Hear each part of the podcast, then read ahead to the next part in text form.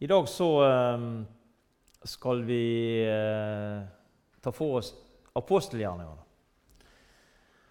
Og Apostelgjerningene er jo eh, et stort materiale. Så i dag Jeg har satt en liten overskrift 'En rask gjennomgang i apostelgjerningene'. Av den grunn at uh, du i dag kanskje får litt inspirasjon til å gå inn og lese litt i apostelgjerningene. Det er en uh, fantastisk uh, bok å lese dette. Så jeg håper det at når du i dag kommer hjem eller videre utover uken og tar deg tid til å, til å lese i apostelgjerningene, ikke bare bla gjennom, men studer. Les og studer det som står der. Det er, det er, mye, mye, stoff, og, det er, og i dag er det en slags misjonsmøte. Og dette her som står i apostelgjerningene, det er misjon. Det er misjon. Nesten hvert eneste blad. Og vi skal... Uh, vi skal lese litt i, vi skal begynne helt framme i apostelgjerningene. Men vi skal eh, bare litt om bakgrunnen for det som eh, står i apostelgjerningene. Apostelgjerningene er egentlig andre del av et, et dobbeltverk som Lukas er forfatter til. Og Lukas han sier sjøl eh, Eh, at denne første, første boken som han eh, da skrev, det er om eh, alt det som Jesus begynte med å gjøre. Han begynte å gjøre noe, han begynte å lære noe. Og nå så vil han skrive et, ei bok om Jesus og den som den oppståtte, og som fortsatte å gjøre og å lære gjennom sine vitner og ved sin ånd. Den andre delen av denne boken som Lukas skrev, den fikk da, fikk da eh, navnet, eller tittelen, 'Apostel', apostlenes gjerninger. Det er vanskelig å si bestemt når han er skrevet, men mest sannsynlig rundt 61-64 eh, etter, etter Kristus. Og dette er den kristes kirke første historisk eh, bok, eller historiebok, som er Og Derfor er, er, han, er han, veldig verdifull i, i, forhold til eh, dette. Det er bare noen eh, få apostler som omtales her i, eh, i denne boka, her, og det er Peter, og det er Johannes og, og Jakobs blant annet. I eh, Apostelgjerningene så er denne boken her delt inn i to deler. Den første, første delen er fra kapittel 1 til 12. Den omholder stort sett uh, jødemisjon. Og her er det Peter som er hovedpersonen. Den andre delen er fra kapittel 13 og ut denne apostlenes gjerninger til og med vers, kapittel 28. Den skildrer begynnelsen på hedningemisjonen, med Paulus som er hovedperson der. Og Når vi leser i apostelgjerningene, så ser vi at evangeliet hadde stor framgang. Og Temaet i apostelgjerningene det finner vi i apostelgjerningene kapittel 1 og i vers 8. Så leser vi kapittel 1 og vers 8. Men dere skal få kraft idet Den hellige ånd kommer over dere. Og dere skal være mine vitner både i Jerusalem og i hele Judea og Samaria og like til jordens ende.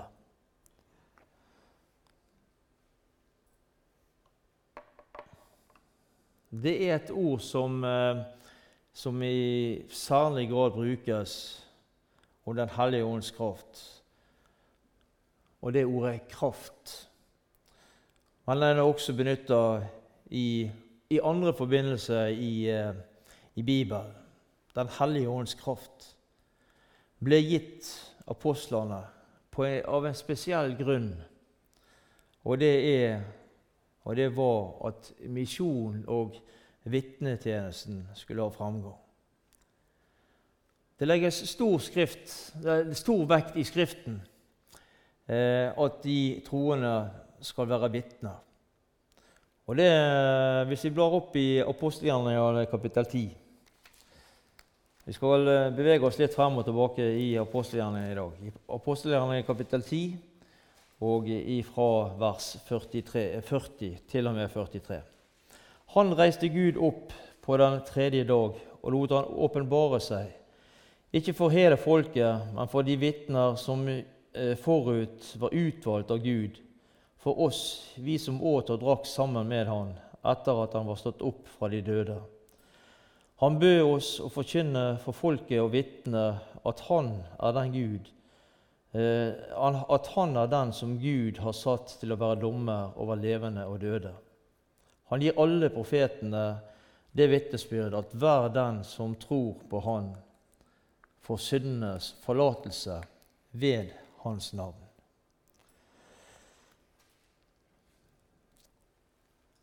I vers 8, som vi leser litt tidligere, så leser vi også at evangeliet først skulle forkynnes for jøder, og så for samaritanere, og til slutt for hedningene. Og og det er nettopp det som blir gjort. I kapittel 8 så, ser vi at evangeliet forkynnes i, i Samaria. Og de troende hadde nytt stor velvilje, står det. Nytt stor velvilje i forhold til eh, det som eh, disse apostlene gikk rundt og fortalte.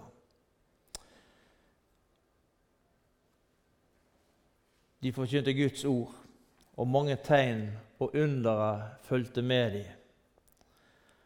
Og det står at eh, det kom mengder med folk fra byene rundt Jerusalem for å høre på dem. Og de hadde med seg personer som var syke, og som hadde, ja, var plaga av urene ånder osv. Og, og så står det i vers 16 eh, i kapittel 8 og alle ble helbredet. Her var det ingen unntak. Alle ble helbredet. I kapittel 5 i uh, Apostlenes gjerninger, kapittel 5, og vi skal lese ifra vers 17. Kapittel 5 og ifra vers 17. Da sto ypperstepresten eh, fram, og alle som holdt med han, og det var sadukeerpartiet. De ble fylt av nidkjærhet og la hånd på apostlene og satte dem i det offentlige fengsel. Men om natten åpnet en Herrens engel fengselsdøren, fengselets dører. Han førte dem ut og sa, Gå av sted Stå fram i tempelet og forkynne alle dette livets ord for folket. Da de hadde hørt dette, gikk de ved daggry til tempelet og lærte. Da nå ypperstepresten og hans følge kom, kalte de sammen rådet, hele Israels eldste råd. Så sendte de bud til fengselet at fangene skulle bli ført fram. Men da, da tjenerne kom til fengselet, fant de dem ikke der, og de vendte tilbake og meldte Fengselet, eh, fengselet fant vi forsvarlig stengt, og vokterne sto ved dørene. Men da vi lukket opp, fant vi ingen der inne. Da høvedsmannen for tempelvakten og yppersteprestene fikk denne meldingen, kom de sterkt bildrede om dem og undret eh, seg på hva dette skulle bety. Da kom det en, eh, en og meldte, se, de menn som dere satt i fengsel, står i tempelet og lærer folket. Gikk, da gikk eh, høvedsmannen av sted sammen med tjenerne og hentet dem. Men de brukte ikke makt, for de var redd eh, for folket at skulle steine dem. De kom så med dem og stilte dem framfor rådet. Og ypperstepresten spurte dem og sa:" Vi ga dere streng befaling om at dere ikke skulle lære i dette navn. Og se, dere har fylt Jerusalem med deres lære og vil føre dette menneskets blod over oss. Da svarte Peter og apostlene.: Én skal lyde Gud mer enn mennesker. Våre fedres Gud reiste Jesus opp, han som dere drepte ved å henge han på et tre. Han har Gud opphøyet ved sin høyre hånd til høvding og frelser, for å gi Israel over, over eh, omvendelse og eh, syndenes forlatelse. Vi er hans vitner og alt dette som eh, Og alt dette, og det er også Gud, eh, Gud Den hellige ånd, som Gud skal eh, gi dem som lyder Han.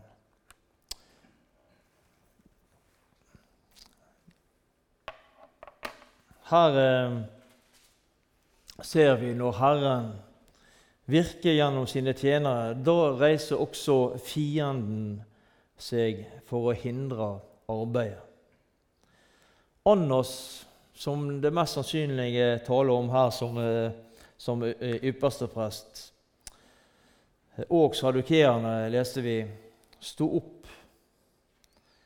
De gjorde noe aktivt. De kunne ikke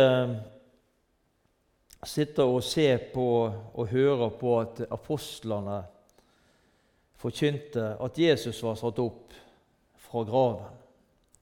Sadukeerne trodde ikke på oppstandelsen i det hele tatt. Det var totalt fremmed for disse menneskene. Det var en vesentlig forskjell på apostlene og disse menn som nå hadde reist seg. Og hva var det? Jo, apostlene var fylt med Den hellige ånd, leste vi. Mens de andre var fylt med nidkjærhet.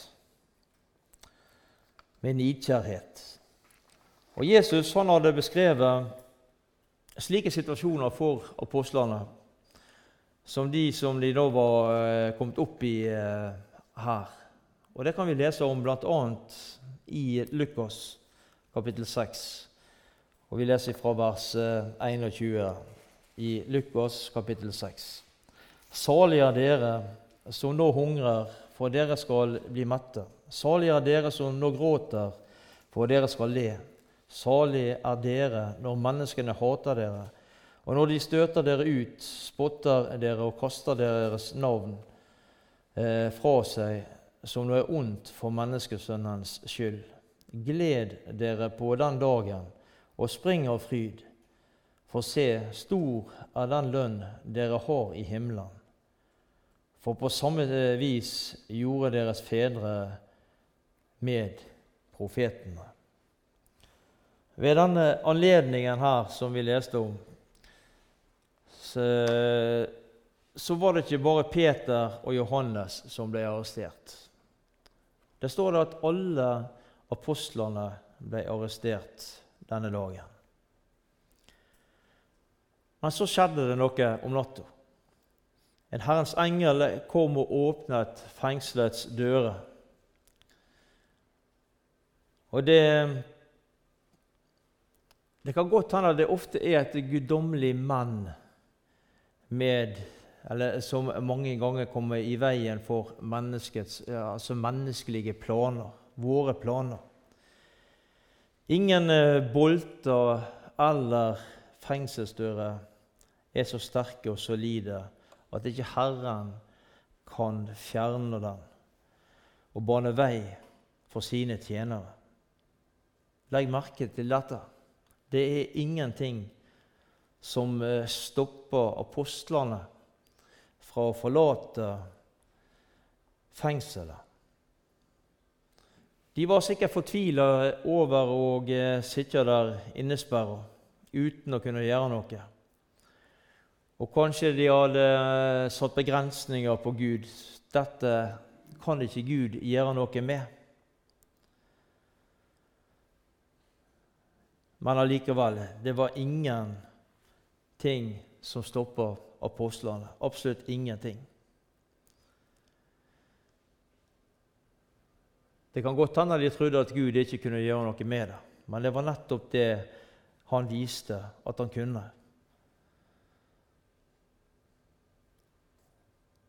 Og så står det i Lukas 1, 37, et vers som vi kan sikkert alle sammen. For ingenting er umulig for Gud. Og akkurat dette ordet det kan vi godt si et halleluja til, for det er ingenting som er umulig for Gud. Absolutt ingenting. Og Det har du kanskje opplevd i ditt eget liv. At Gud eh, gjorde det som så umulig ut, mulig. Så eh, sier engelen til apostlene, 'Gå av sted.' Stå fram i tempelet og forkynn for de dere møter. Er det det det står? Var det det vi leste? Nei, det var ikke det. Det står 'forkynn alle folk dette livs ord'. Hvordan er det med oss som eh, sitter i arken her i formiddag? Hvordan er det med misjons- og vitnetjenesten i vårt liv?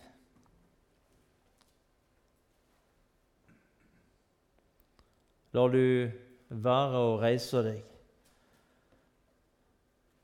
når eh, anledningen byr seg. Når ordet blir gitt fritt i møter, hvordan er det med oss da? Er vi, blir vi sittende av menneskefrykt fordi at ja, Det kan godt hende vi tenker som så at eh, sidemannen hans eller hun preiker jo mye bedre enn meg. Kan jo formulere seg mye bedre med meg, osv.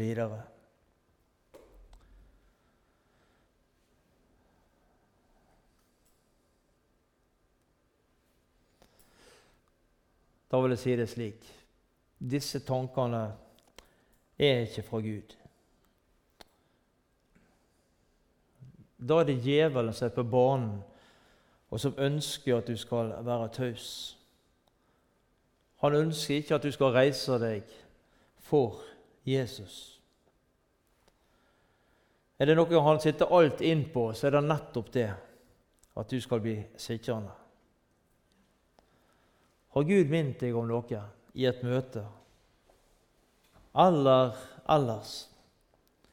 så er det noe som, eh, som trenger å høre nettopp det. Enten det er her på møtet, eller det er mennesker du, du møter i din vei. Så vær frimodig.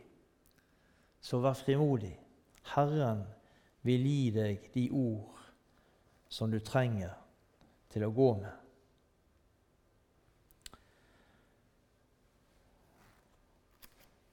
Ypperstepresten her i vers 28, eh, som, eh, som vi leste. Han unngikk å nevne navnet Jesus. Men Peter derimot, han skammer seg ikke over dette navnet, leste vi litt ute i teksten vår. Han skammer seg ikke over Jesu navn. Og Vi kan gå til eh, kapittel 8 i, uh, i apostelgjerningene. Og der, uh, der, ser vi, og der møter vi den fortellingen der, der Stefanus blir, blir drept, blir steina. Og Saulus, som han het den gangen, hadde gitt samtykke i, i mordet på ham. Og det, og det oppsto en, en, forfølgelse av menigheten i Jerusalem i kjølvannet av dette. Og Saulus han var delaktig i denne forfølgelsen. Det står at han, det herja med menigheten og dro ut både menn og kvinner fra husene deres og kastet dem i fengsel. De som eh, nå hadde blitt eh, kristne og hadde flykta, de dro omkring i landet og forkynte evangeliet. Og Philip han var en av disse. Han dro rundt i, i Samaria og eh, forkynte det glade budskap. Men så kom det en, en Herrens engel til Philip. Og eh, da leser vi i det åttende kapittelet, vers 26. Men en Herrens engel talte til Philip og sa.: Bryt opp, dra eh, mot sør, den veien som går ned fra Jerusalem til Gaza. Det var, det, var det budskapet som, som Philip fikk. Det står ingenting om hvilken måte denne engelen eh, åpenbarte seg på. Men han fikk en tydelig befaling. En tydelig, tydelig, tydeligere enn det som, eh, som Philip eh, fikk det beskrevet den gangen. Det kan ikke, kan ikke gis. Han fikk denne befalingen om å dra til, til denne øde veien, til Gaza en gammel eh, filisterby eh, som ligger ca. 100 km ifra, ifra Jerusalem. Hva gjorde Philip? Unnskyldte han seg med at eh, han var sliten? At det var altfor langt å gå? At Herren måtte sende en annen i hans vei? Nei, han gjorde ikke det. Han brøt opp og dro av sted. Gud hadde bruk for Philip i sin tjeneste denne dagen. For det var en mann som trengte hjelp til å forstå Skriftene, til å forstå det han leste. Og eh, Han leste da i Jesaja 53, og han trengte hjelp å forstå dette. Og Det var den etiopiske hoffmannen som vi har lest om helt sikkert mange ganger. Han var kommet til Jerusalem for å tilbe og var nå på vei tilbake igjen.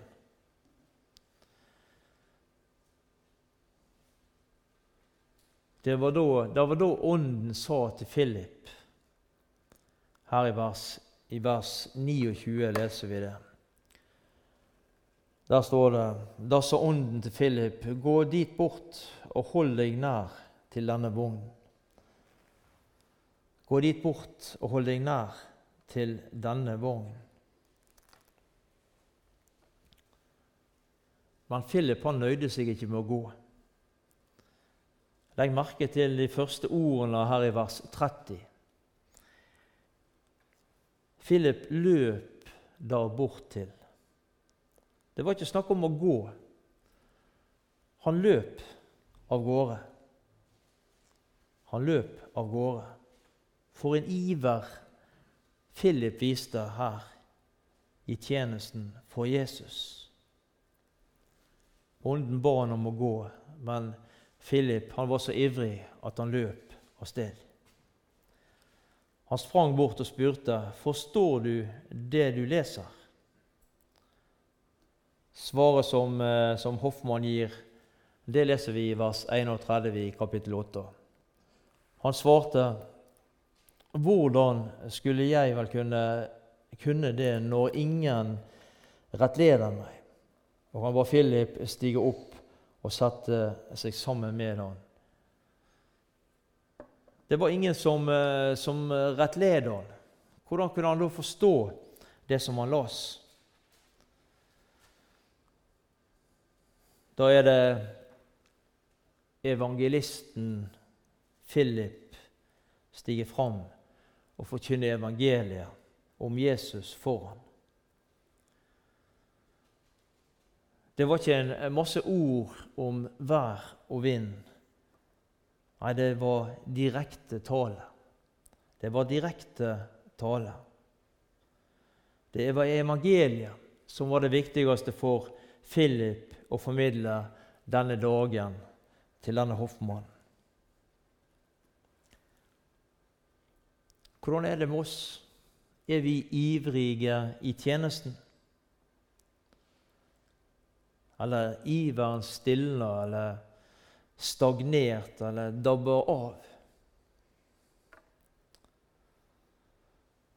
Vi synger sangen dette. Tenn meg, Jesus, la meg være hver en dag et lys for deg. Alltid leve deg til ære. Led meg du på all min vei. Gjør meg villig, varm og våken. Kjære Jesus, led meg frem. Gjør meg til et lys i tåken, som kan lede andre hjem. Romerbrevet skal vi gå til nå. Romerbrevet kapittel 10, og vi skal lese ifra vers 14. Romerbrevet kapittel 10 og ifra vers 14. Men hvordan kan de påkalle en som de ikke er kommet til tro på?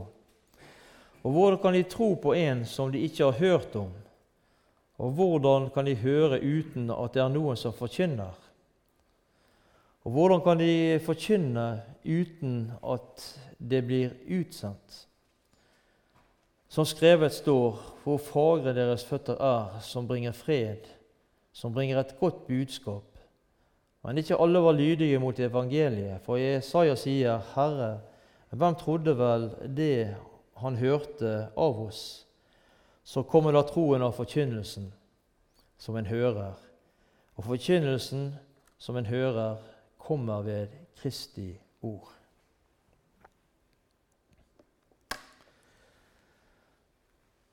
Hvordan kan en tro på en som en ikke har hørt om, var spørsmålet her. Og Slik var det også for, for denne hoffmannen. Han hadde ikke hørt om Jesus. Og Hvordan kunne han da tro på det? Det sier seg sjøl at det ikke går an. En kan ikke tro på noe som en ikke har hørt om før. Og hvordan kan de høre uten at det er noe som forkynner? Dette spørsmålet òg er innlysende. Det er innlysende hva svaret blir på dette. Det går ikke an. Gud har bruk for deg og for meg i sin tjeneste. Den tjenesten han kaller deg til, vil han også utruste deg til å klare. Han kaller deg ikke til en tjeneste og så lar deg gå alene, men han vil være med, og han vil utruste deg i den tjenesten. Det er ikke snakk om å være alene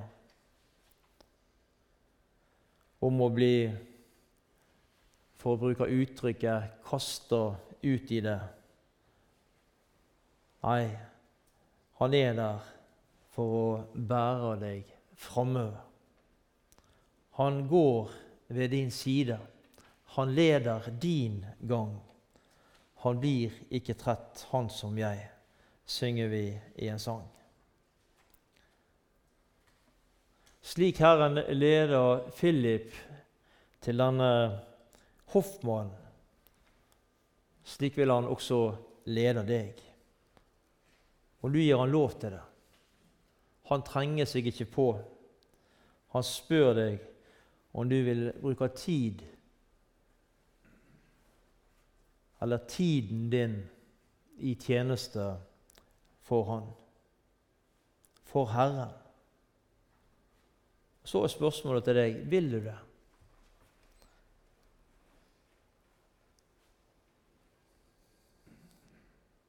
Hva er til hinder for at jeg blir døpt? spør hoffmannen. Og Philip svarer dette i vers, i, i vers 37, som vi, som vi leste. Da må jeg gå tilbake igjen litt her.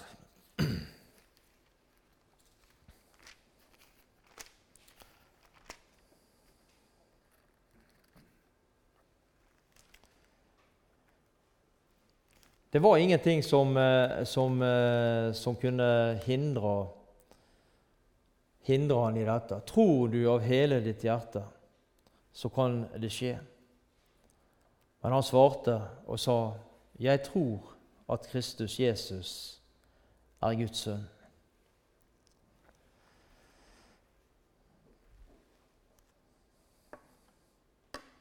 Han hadde fått sett det denne dagen, denne hoffmannen.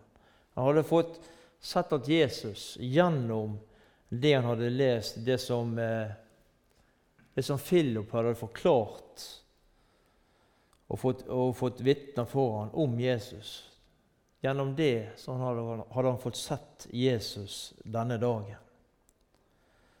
Han hadde fått møtt Jesus og tatt imot ham i sitt hjerte.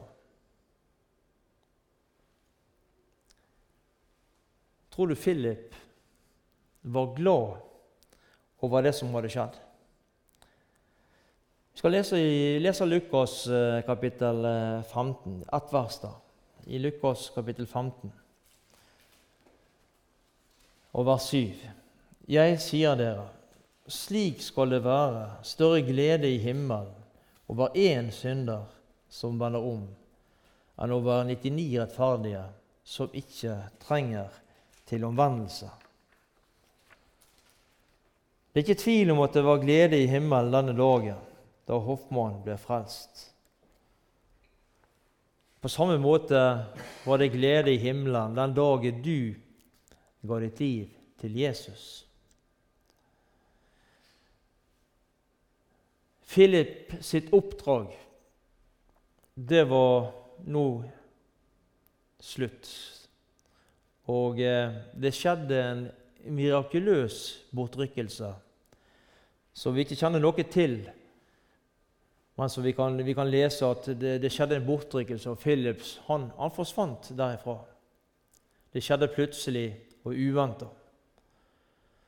Men det var ikke slutt på evangeliseringen for Philip av den for sin del. I vers 40 her, her som vi leste i, eh, i kapittel 8, så leser vi at eh, men Philip ble, fulgt, ble funnet i eh, Ashdod. Han dro gjennom alle byene og forkynte evangeliet helt til han kom til Cesarea.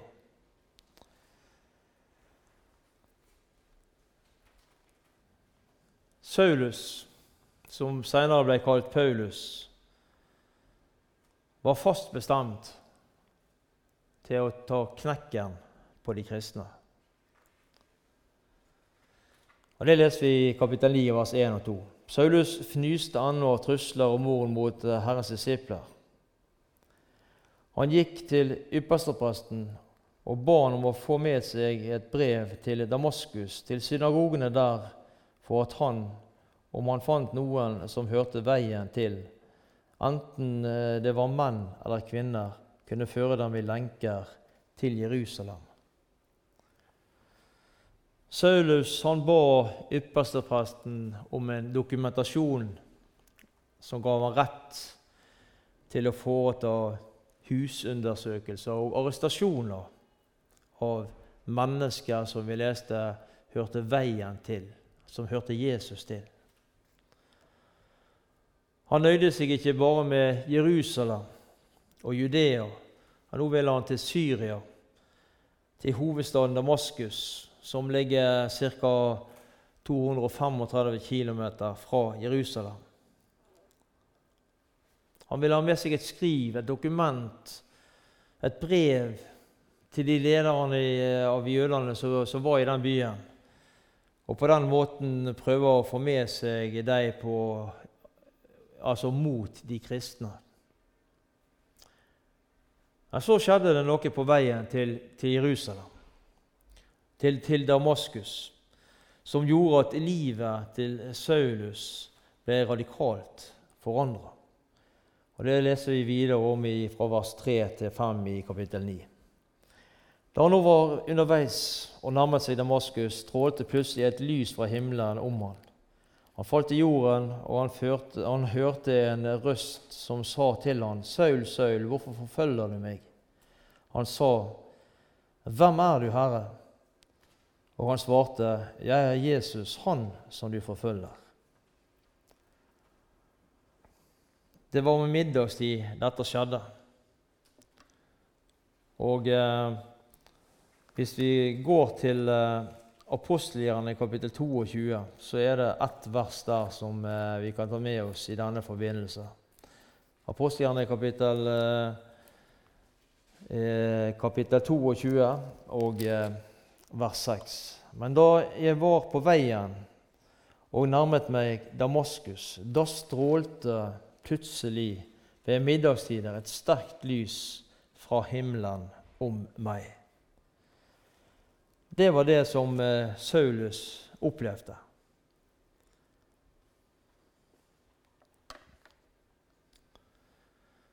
Det var ved middagstid dette skjedde. Men allikevel så var lyset Lyset var klarere enn solen, leste vi. Saulus han var nesten kommet fram til Damaskus da dette skjedde. Ordet 'strålte', som vi leste, er et ord som bare er brukt om Saulus sin opplevelse her i Nytestamentet. Vi leste at Saulus falt til jorden. Hvordan han falt, og hvor ifra om han rei på, på, et esel eller hest, eller kanskje gikk til fots. Det står det ingenting om. Men det er kanskje, det er kanskje lite sannsynlig at han gikk til fots på en så lang reise. Saulus, Saulus, hvorfor forfølger du meg? var spørsmålet ifra Herren. Hvorfor forfølger du meg? Og i uh, 26, kapittel, uh, kapittel 26, vers 14, så leser vi Det blir hardt for deg å stampe mot brodden. Det blir hardt for deg å stampe mot brodden. Legg merke til en ting, og det er at når Herren gjentar en person sitt navn, så er det som regel noe spesielt på ferde. Og Det har vi mange, eh, mange eksempler på i, eh, i, Bibelen. Og Vi kan, gå, vi kan ta først eh, for oss Første Mosebok, kapittel 1. Og Der er et vers i det 22. kapittelet i kapittel 1. Der leser vi fra vers 11. Det er når Abraham blir satt på prøve. Der ropte Herrens engel til han fra himmelen og sa, 'Abraham, Abraham.' Og han svarte, 'Ja, her er jeg.'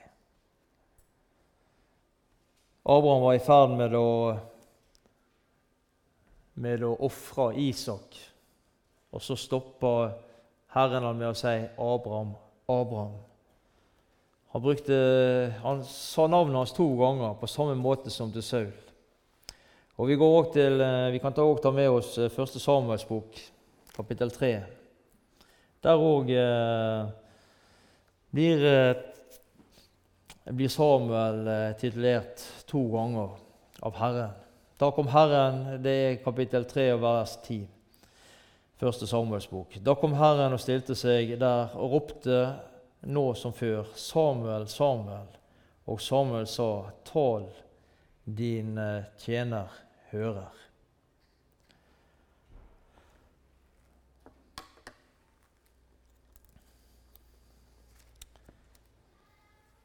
Når, eh, når Saulus her forfølger de som tror på Jesus, så forfølger han også Jesus sjøl. Herren talte til Saulus på hebraisk denne dagen. Det skulle ikke være noe eh, mulighet for noen misforståelser i det som eh, ble sagt. Hvem er du, Herre? spør Saulus. Jeg er den som du forfølger. Jeg tror ikke det at Saulus hadde tenkt muligheten av at han skulle få et slikt spørsmål som han fikk fra himmelen denne dagen.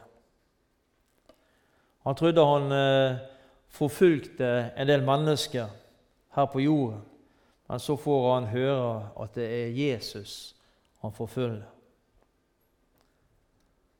Herrens tale til Saulus videre er den er fremtidsretta. Han skal få vite hva han skal gjøre her etterpå.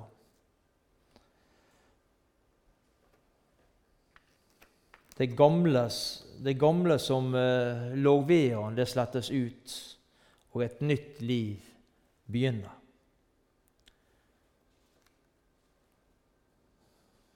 Da ser jeg at klokka har gått ifra meg, så vi skal eh, nærme oss avslutning nå. Men eh, vi får gå inn i apostelgjerningene og ta, ta, mer eh, av det seinere en gang. Men i, til, i, i avslutningen så vil jeg si dette. På samme måte som Herren brukte Saulus, som forfulgte og var eh, delaktig i mord på de kristne. På samme måte som han brukte Peter, som banna på at han ikke kjente Jesus. Og Vi kunne nevnt mange andre skikkelser i Bibelen, i Guds ord, angående dette. På samme måte vil Herren også bruke deg. På samme måte vil også Herren tilgi deg, der kanskje mennesket ikke vil tilgi. Det er slik at når du kommer til Han, så står Han der med åpne armer og tar imot. Og du får eh, oppleve det samme som Saulus fikk oppleve. Du får begynne på nytt. Alle, alt det som eh, før har vært, det er borte. Han har sletta det ut med sin død da han nagla det på korset. Du kan få begynne et nytt liv sammen med Jesus. Han har aldri lovt et liv uten problemer, men et liv der han vil gå med og støtte deg og eh, hjelpe deg på de dager som måtte være tunge og vanskelige å gå. Han er der for deg, og han er der med deg. Ikke bare enkelte dager, ikke bare når prøvelsene er størst, men han er der med og for deg hver eneste dag. Han går der. Om du ikke merker det, eller om du merker det eller ikke, så, så er han der for deg. Og han går med deg hver dag. Takk, Jesus, for at det er et løfte som du har gitt oss, at du vil være hos og med oss hver eneste dag. Takk for at vi på samme måte som eh, Saulus eh, kan få begynne på nytt hver dag i vårt liv, sammen med deg, Jesus. Uansett hva som eh, måtte, vi måtte gå og bære på, så, så vil du stryke det ut når vi kommer til deg. Og så skal vi få lov til å, å vandre sammen med deg. Det takker vi deg for, Jesus. Takk for din nåde. Den er nok hver dag. Det er ingenting annet, men det er din nåde som betyr noe for oss. Takk for eh, din eh, oppstandelse. Takk for din død og oppstandelse, Jesus, der du tok på deg alt da du nagla deg til korset. For oss mennesker. For alt det vi har gjort, og alt det vi kommer til å gjøre, så gjorde du dette på korset. Det takker vi deg for, Jesus må du hjelpe oss til å være misjonsretta. La oss få være i misjonens tjeneste, i vitnetjenesten for deg, Jesus. Både her blant eh, oss inne her i Orken, i denne bygningen her, men også ute blant de mennesker som vi, vandrer med hver eneste dag. Vi trenger ikke å reise over grensen for å finne misjonsmark. Den har vi rett utenfor døra vår. Og du hjelper oss, Jesus, til å, til å være der for deg og la evangeliet også få lyde til de mennesker som, eh, som ikke har hørt om deg, her der vi bor. Velsign oss, Jesus, og hjelp oss og gi oss den kraft og styrke du ser at vi trenger i vandringen sammen med deg. Amen.